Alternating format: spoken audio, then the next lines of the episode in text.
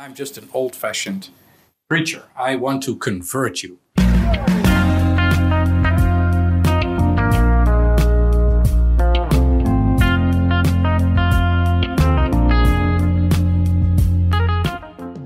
Library Live is a program hosted by the University Library of the Vrije Universiteit Amsterdam, in which we speak with researchers and lecturers about new developments in academia. You can attend our library live events in person or listen to them as a podcast. Today's topic is the transition towards open science and the crucial role that digital research data management plays in this process. It was recorded on November 1st, 2018 at the library seminar entitled Managing and Sharing Research Data How and Why. First, we will hear from René Bekkers.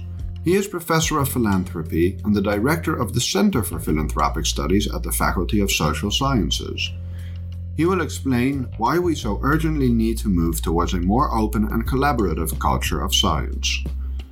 Afterwards, the library's research data specialist Jolien Scholten and the research data community manager Maria Cruz will discuss and explain the various services that the library provides to help researchers make the transition to a more open and fair culture of research data management.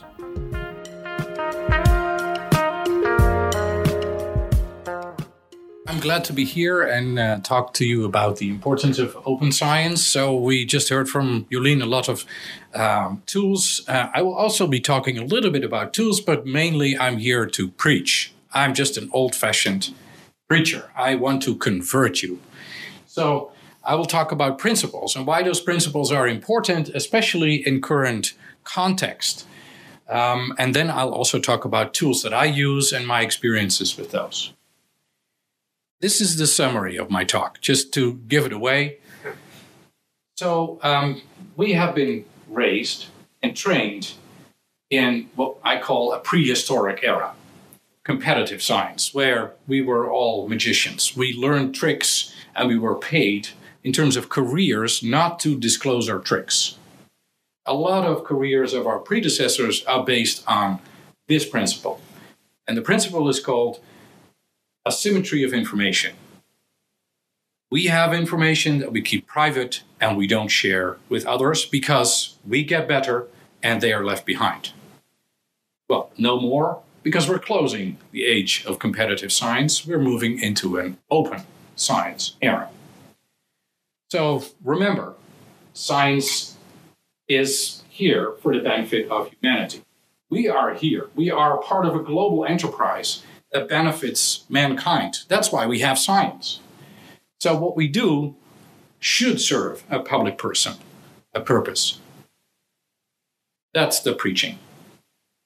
So, the core of uh, open science is basically the idea that we, we try to prevent this uh, people falling prey to this temptation of pro- private profit maximization and the collective inefficiency in information asymmetries that is inherent in competitive markets. Companies earn money with this information asymmetry. Publishers do. But we don't earn money, we earn reputations. And our reputations were based on these information asymmetries, but we're going to change that. So, open science is not magic where you try to hide your tricks. It's also not haute cuisine, cooking with a secret that you keep private because you want to sell seats in your restaurant.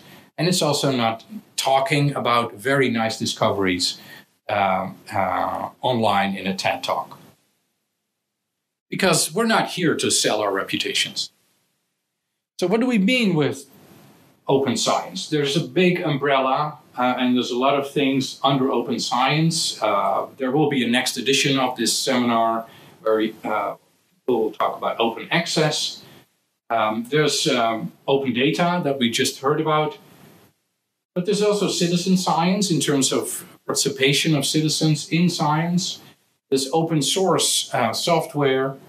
There is uh, open educational resources, sharing our research material also for public uh, purposes, and uh, the equity, diversity, and inclusion um, that is served by open science in terms of equal chances for everybody. Not just keeping our data within our shared space of libraries here in the Western world, but also opening up our research data and uh, science to the rest of the world that might not be part of this elaborate network of university libraries. So you've been trained in science, of course, so you, you get some uh, money to do research uh, for ideas, you design your study, you collect your data, you write a paper, and then you go to the press to sell your research. There's openness in each of these phases. Um, the openness that we get here uh, is sometimes difficult because, you know, who publishes his or her grant proposal to NWO.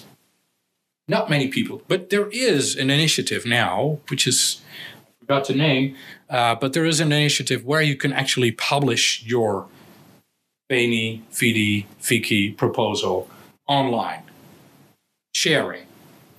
Sharing of ideas is, of course, very classical, and everybody does that. But then who owns these ideas? Well, as long as you credit the people that you whose ideas you are basically voicing or using, that's fine.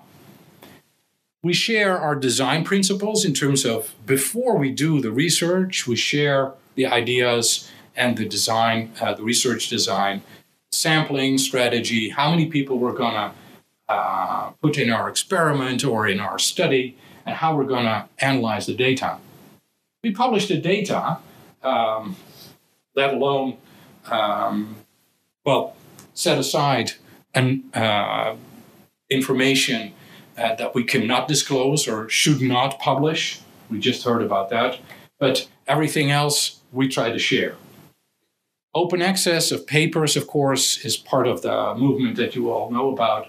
Uh, but then open access of this research in press releases, I think, is is another principle that we could, you know, try to uh, reinforce. If you now get a press release from a university press office, there is often not even a link to the original study, and that's not good. We are trying to change a research culture. And I think we're, we're somewhere here now.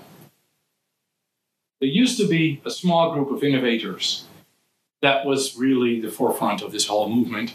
And now we are getting into a phase where early adopters are becoming an early majority. You are part of the early majority, probably. And other people will be lagging behind.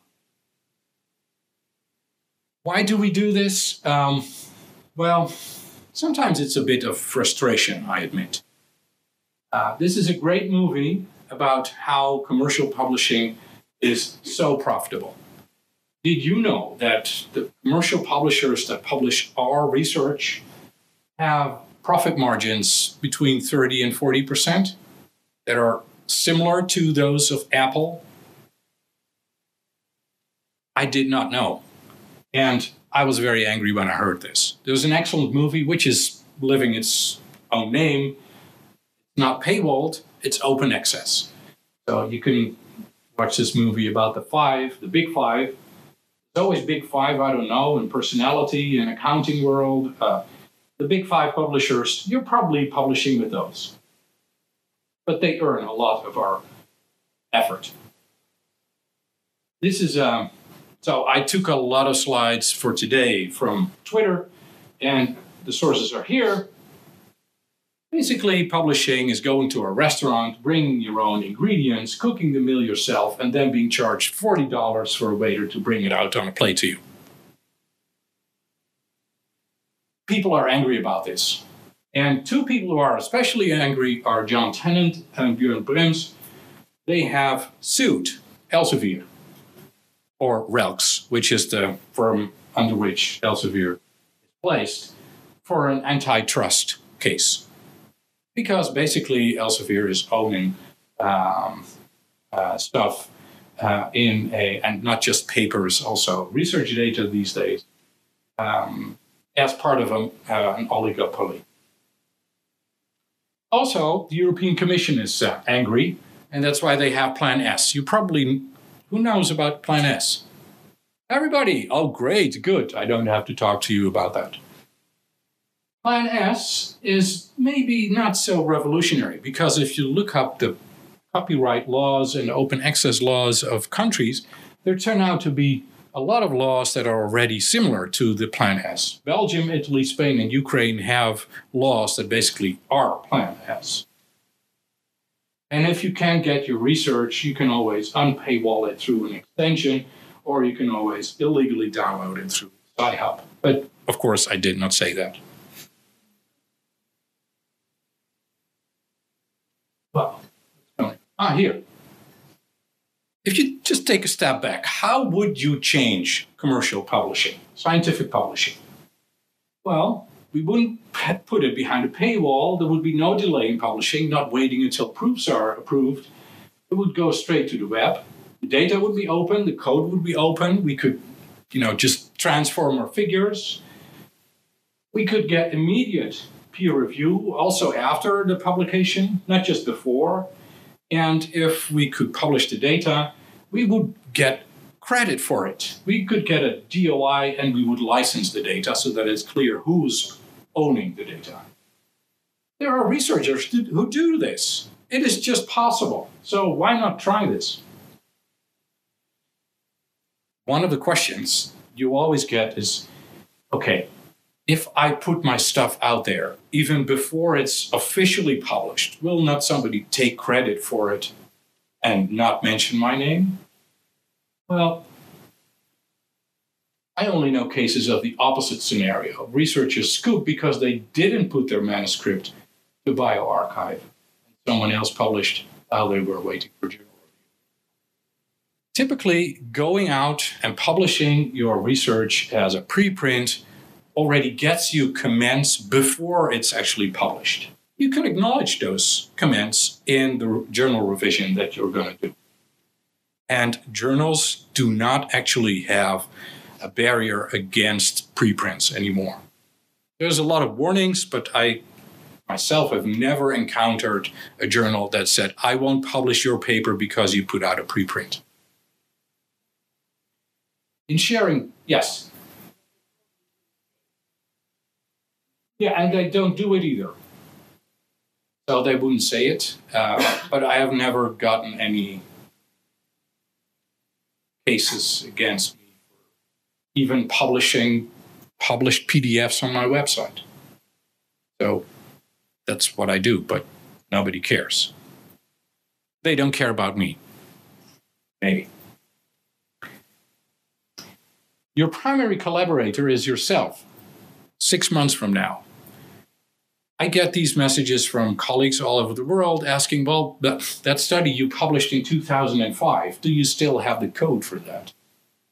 Then I go back to my pre, pre, pre, pre, predecessing laptop. And if I get it to work, then I can get the data.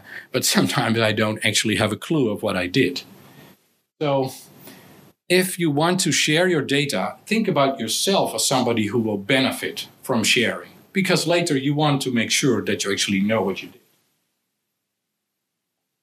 And you can share with many people, not just with yourself, but also with others. Um, and if you do that through a notebook like Jupyter, it's clear for the whole world who did what. If you're not the only collaborator, but many people collaborated, that's just going to be visible from the content of that notebook. So that to some extent solves the authorship problem. So if you contrast closed science with open science, I think we're hopefully leaving the red race a little bit behind.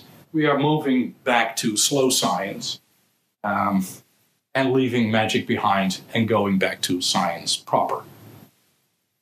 Because science is actually very simple.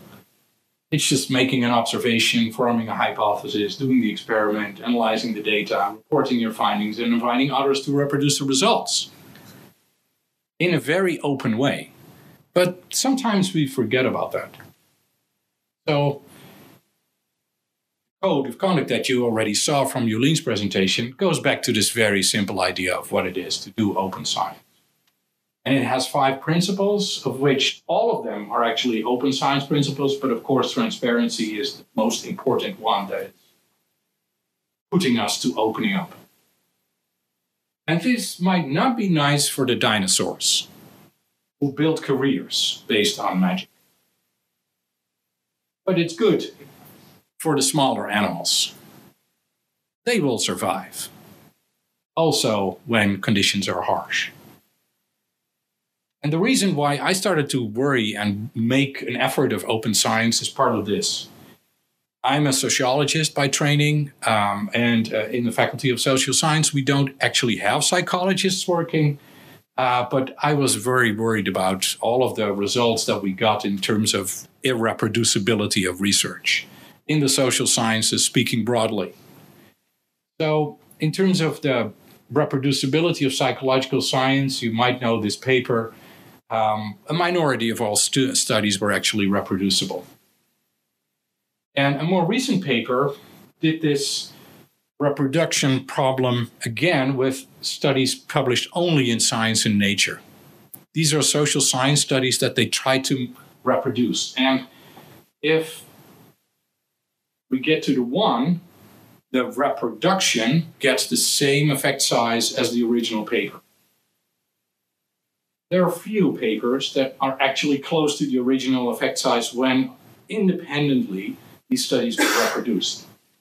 Most were actually close to zero, and some were very bad, even below zero, meaning getting an opposite effect of the originally published effect. The nice thing was that they organized a prediction market around this. So they invited uh, some people to bet on what studies published in Science and Nature would be reproducible. I was one of the betters, and I predicted about 13 of the 20 correctly, based on a few principles. One of the principles was power number of observations basically relative to the effect size. The question is, and there was some other ideas there. Uh, another idea was priming. A lot of studies that are not reproducible have to do with subliminal or subconscious influences. They turn out not to be reproducible. The good news is that it's quite predictable what studies are reproducible we sort of know that by intuition because the whole prediction market was very successful. It was predictable basically which studies would be reproduced. We're talking about replication here, but thinking about when you get the same conclusion as the original uh, study, we call this reproduction if we use different data, but the same analysis. We can have other varieties of replication we can talk about the same data and then trying to find the same conclusions. This is what some journals now do, like PLOS, where you have to submit your data. And there are actually some journals that actively do this. And before they publish your paper, they will try to independently verify your results that you claim you have found. Most journals don't do that, but there are some that do. Of course, if we get the same data, we could also do different analyses. That's also a form of replication. Um, but that is an example that was recently in the news. Many analysts, many analysts, one data set. They just gave 29 teams the same data set with the question Are players of color in soccer discriminated against by judges? And the answer is here. Most of the estimates are positive an odds ratio of one is no relationship, but most of them exceed one. There are a few that go below one, so they actually find a negative relationship, but confidence intervals sometimes are very wide. What you see here is a great variety of techniques and approaches to the same question, different ideas about what models to use, what data selections to use. And yes, of course, you will get different results if you apply different types of analysis. But that's good. By being open about that, we can trace the effects of using these different methods to get to a certain result. And then we can have a fruitful debate about what the best method is. Not if we just don't know how they exactly got to this result. Because that's the way the Swedish chef works. He just throws in a few ingredients, but he doesn't remember what he did. That's basically us in the prehistoric age, not documenting everything. This guy is very different. He knows exactly what he's doing, but he doesn't tell us. Both we don't want. Because we are talking about data, and sometimes this might be difficult uh, talking about data, because what is data actually? I find this sometimes difficult when I talk to people who have a more structuralist or post structuralist view on things. Um, so I see data as a representation of what happened in reality. And that's typically your raw data file, but that's not always the data file that you can share because you need to modify or amend some things to make it understandable what happened in this original data. You have to label the variables, you have to give some, some additional details. And the variable, not everything is relevant, so you leave out some variables that are not relevant. If you are in a car accident, this is your raw data, the form that you fill out. You're remembering what happened, your description of the situation. And of course, you can put that in an Excel file. That's what the insurance company does. Why do we share that? Because, you know, if you don't, many people will come after you and try the same, get totally different results, and don't know why. So even if your data are negative, so called, publish them because you're hurting people who tried the same as what you did. There's a lot of bad things going on. Here are what we call the p hacking plots. This is in economics. Not many of you are from economics, I guess, but there are some suspicious humps in these plots of where p values are significant. You would expect this to be a sort of distribution, maybe with a long tail here. So this this technique actually random, um, called regression discontinuity. Uh, that is fairly unbiased, probably. But look at this. Instrumental variable estimates in economics are typically very And then we don't even see many of the results that are, that are probably there, but not worthy of publishing in the eyes of some. So if you see something published, think about this period pyramid. You probably learned about this pyramid in graduate school with the meta-analysis on top. Well, with the open science pyramid, we tend to distrust anything that is published unless it is a registered report, a pre-registered report. I'm optimistic. Technically, the glass is always full, and we won't be solitary animals anymore in terms of how we work. This is how we used to work. But uh, with socializing you, we hope to become better. So, um, younger researchers will probably not be uh, like the dinosaurs in the previous age and not like these guys. You probably know those. people with a lot of shit behind their hands. And I want to highlight this one because he was called out by a young researcher from the Netherlands, Tim van der Zee, who found 150 errors in the work published by Brian Wansink. And it takes courage to do that. That's difficult. But this is the only way science will become better if people are not open it will be so frustrating to try to replicate research that is not replicable, and they know that because they hid all their tricks. We are all standing on the shoulders of giants. More motivational speech. We should be ants, not giants. Giants are from the old age. We're all ants. We cannot all be giants. That's fine, because slow science is dull, and dull is paired with boring. Oregon. This is a true sign, by the way. So I was just here to motivate you. Go, open science, go. And I can talk a little bit more and a little bit more and a little bit more, but I won't do that because you're all looking at your watches. Tools to make science more open. There's a great rainbow by people uh, from the Netherlands. Again, the Netherlands is a great country to be in in the age of open science because so much is developed here and is discovered here. Um, these are all tools in, in, in how to work in an open way and uh, the licenses, I want to highlight those.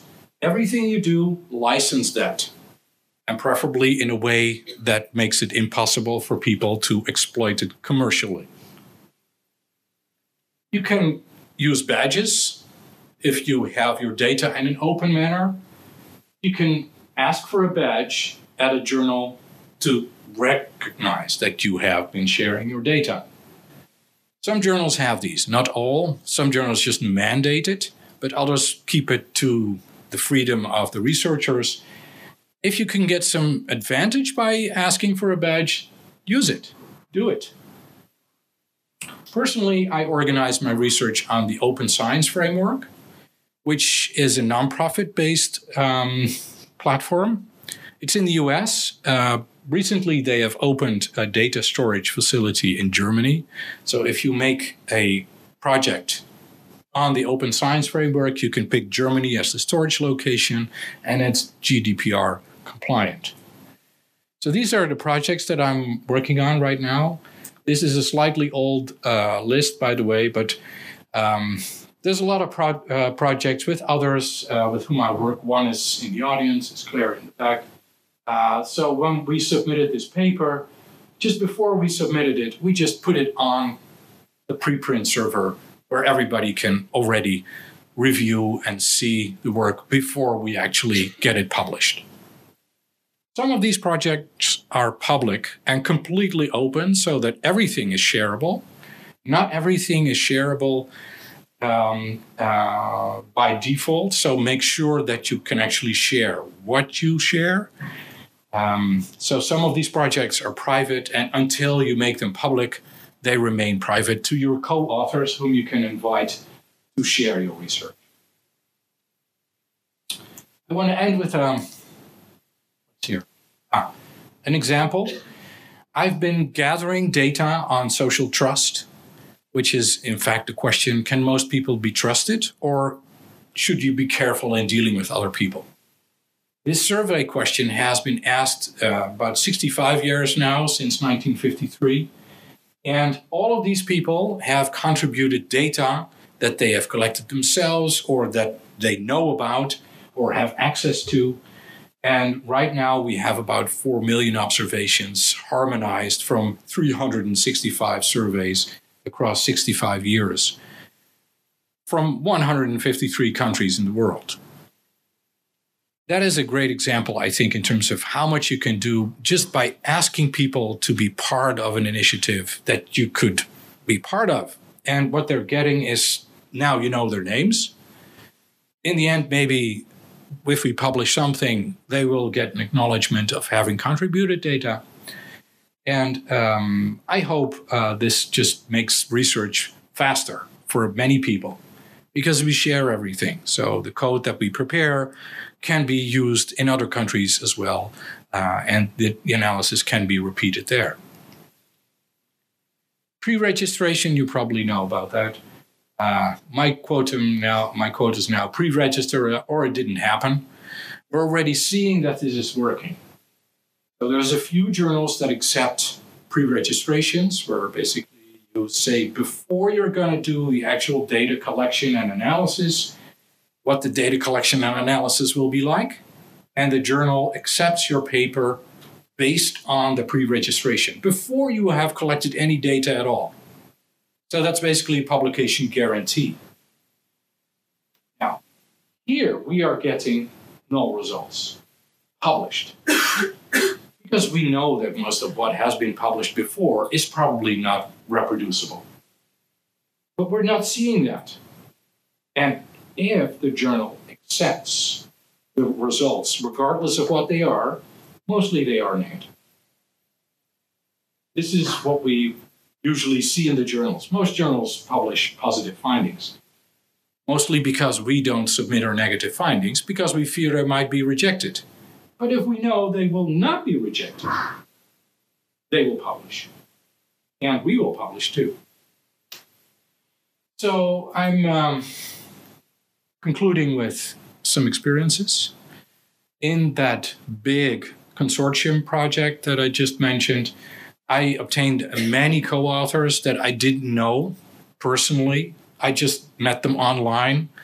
Um, so, usually weak ties. I consider myself also a weak tie when I think about myself 15 years ago or 10 years ahead. I also put a lot of old projects from my file drawer, not necessarily with null results, but unfinished projects on the internet as preprints so that people would be able to learn about them even though I haven't published them in a proper journal. And many of these things now get cited, and that's good.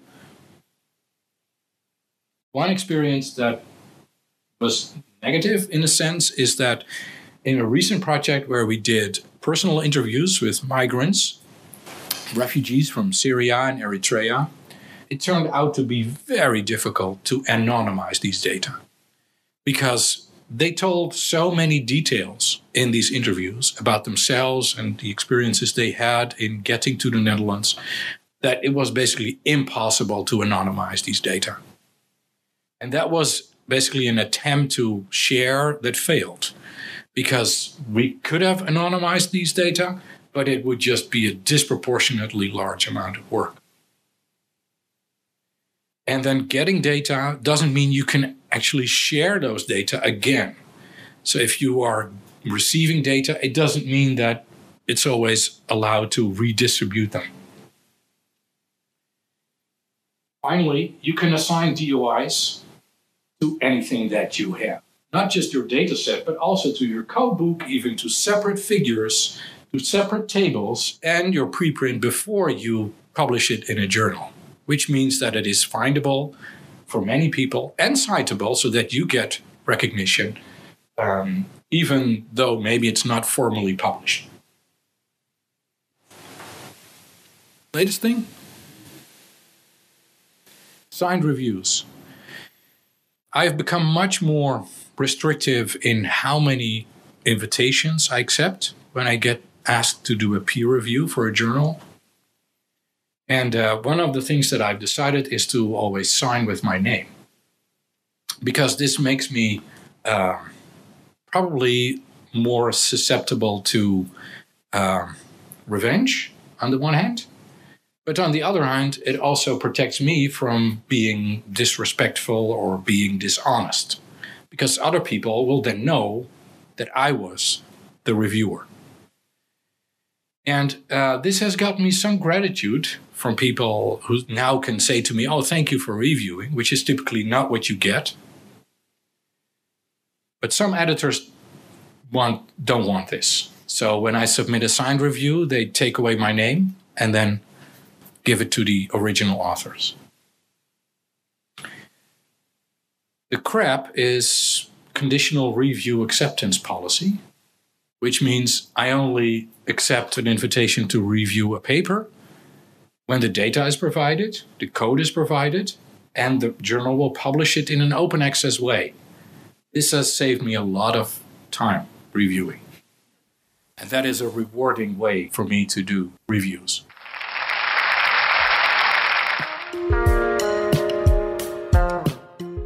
VU Library also does its part in supporting research data management. I will now talk with Jolien Scholten, uh, the research data management specialist at the VU Library, our data librarian, um, to tell us a little bit more about these activities. Um, Jolien, welcome. Thank you. Um, in which way uh, or which ways does the library support researchers with research data management? Um, well, we do that in uh, various ways. So, a very um, clear example is if you have to write a data management uh, paragraph or a data management plan uh, as part of your research proposal, um, you can uh, get advice from us. We can uh, give uh, feedback on your uh, data management plan. Um, if you need advice, for example, on um, where to archive your data after you've um, um, uh, finished your data set and how to do that, uh, we can also um, help you with that. Um, we also provide uh, training about research data management right now for uh, PhD students, um, which is also yeah, which focuses on you know the basics of research data management and also um, on how to write a good uh, data management plan. Um, and we also, um, yeah, can give you advice on how to protect your data, for example.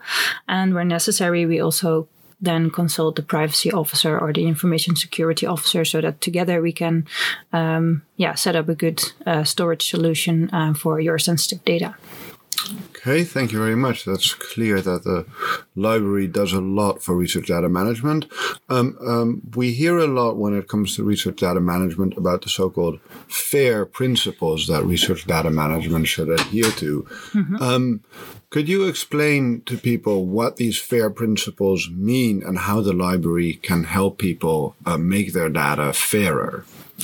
Um, yeah, so FAIR stands for making data findable, accessible, interoperable, and reusable. These are guidelines. It depends on the dis- discipline uh, how these should be applied. And also, the interoperable part seems to be quite difficult. But what libraries are very good at is making objects findable and accessible, explain how they can be cited. Um, so, libraries have a long standing tradition um, in doing that. So we can also help researchers, um, yeah, making uh, their data findable uh, and accessible. So we provide uh, solutions to archive your data, um, and then we can also, of, of, course, advise you on that, and also, for example, making sure that your data actually get found. So, when researchers uh, contact you with questions about research data management in general or about making their data fair in particular, what are some of the questions that you hear most often from researchers at the VU? Yeah, so researchers, um, yeah, experience some some friction between, on the one hand, the requirements of making data fair, uh, but then on the other hand, also protecting their data, especially if they're working with privacy-sensitive data.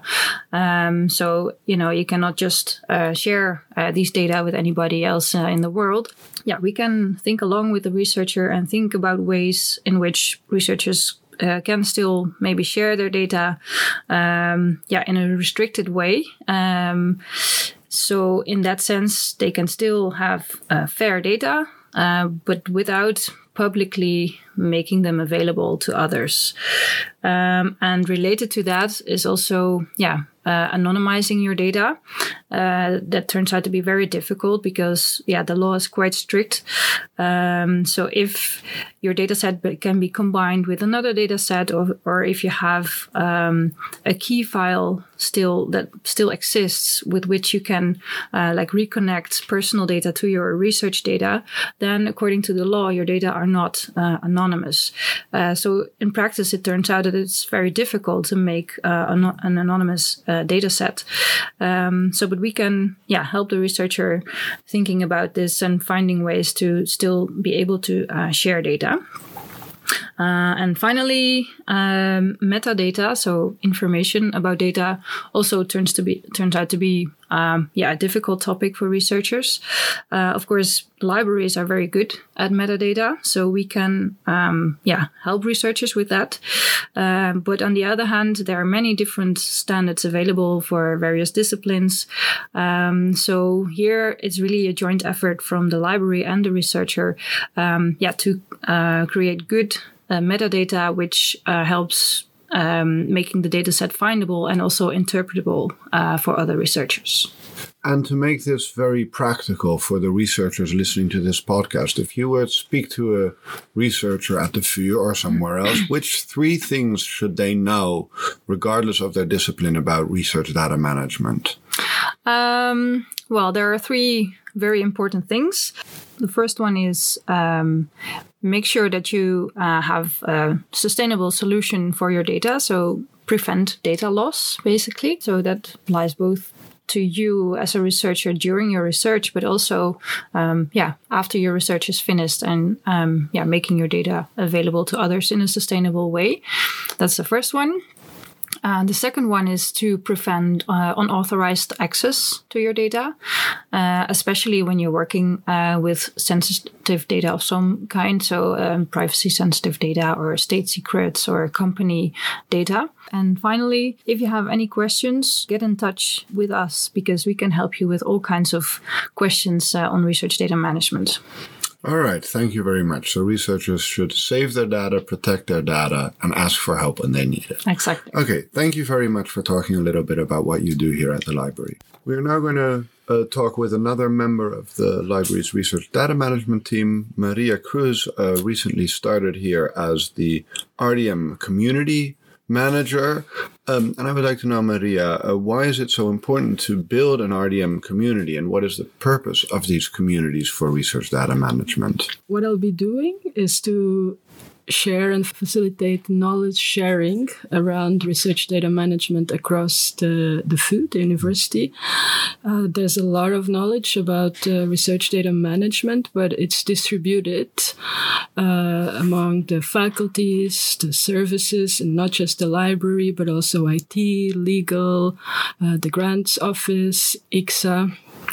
So the idea is to facilitate the sharing of knowledge among the research support staff, but not just the research support staff, because the researchers, of course, many of them also have knowledge uh, about RDM. So the idea is to build uh, communities who can share their knowledge and best practices around RDM and to link knowledge between the services, the faculties, the researchers, and uh, by that uh, contribute to culture change around RDM and also to uh, best day to day practices uh, for research data management. How will you go about building these communities? How do you start a new community for research data management? Uh, so I'm starting with the research support staff. Um, I'm organizing network meetings. Um, the first one will be in January, where all the people who do uh, frontline uh, research data management support, pro- those who provide advice to researchers, are coming together. There are people at the faculties who, who uh, advise researchers on uh, research data management, but actually they don't know each other. They don't talk to one another. So the first step is to bring the research support staff together and to learn from each other. And the next step will be to connect the research support staff with the researchers so that we research support staff and researchers can learn from each other. So that's going to be the second phase. And how will researchers benefit in their day to day work from these research data management communities? Well, they they will learn from each other. Uh, there are a lot of uh, requirements these days from the, from the institution uh, itself. There are policies. Uh, there are requirements from publishers, from funders. There are a lot of requirements that researchers need to meet uh, around research data management it's not easy. It's not always easy to meet all these uh, requirements. And so researchers will know who to go to when they have questions about research data management. So it's about taking the expertise and making sure that it ends up with the right people at the right yes, moment. That's exactly right. If you want to know more about the services the library offers, or if you want to get in touch, have a look at the Research Data Management LibGuide or send us an email at rdm at vu.nl.